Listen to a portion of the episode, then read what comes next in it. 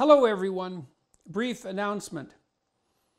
I've arranged a new show in Southern California at the Honda Center in Anaheim for my continuing Beyond Order tour on November 3rd, 2022.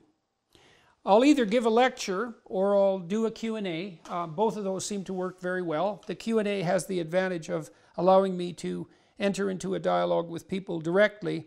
I usually pick a deep question and answer it for about 40 minutes and then a peppering of shorter questions. Or I do a lecture if I'm working on ideas, and either of those seem to work real well.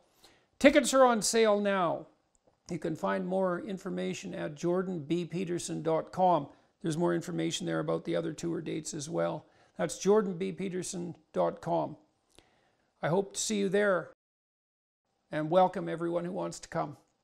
Bye bye.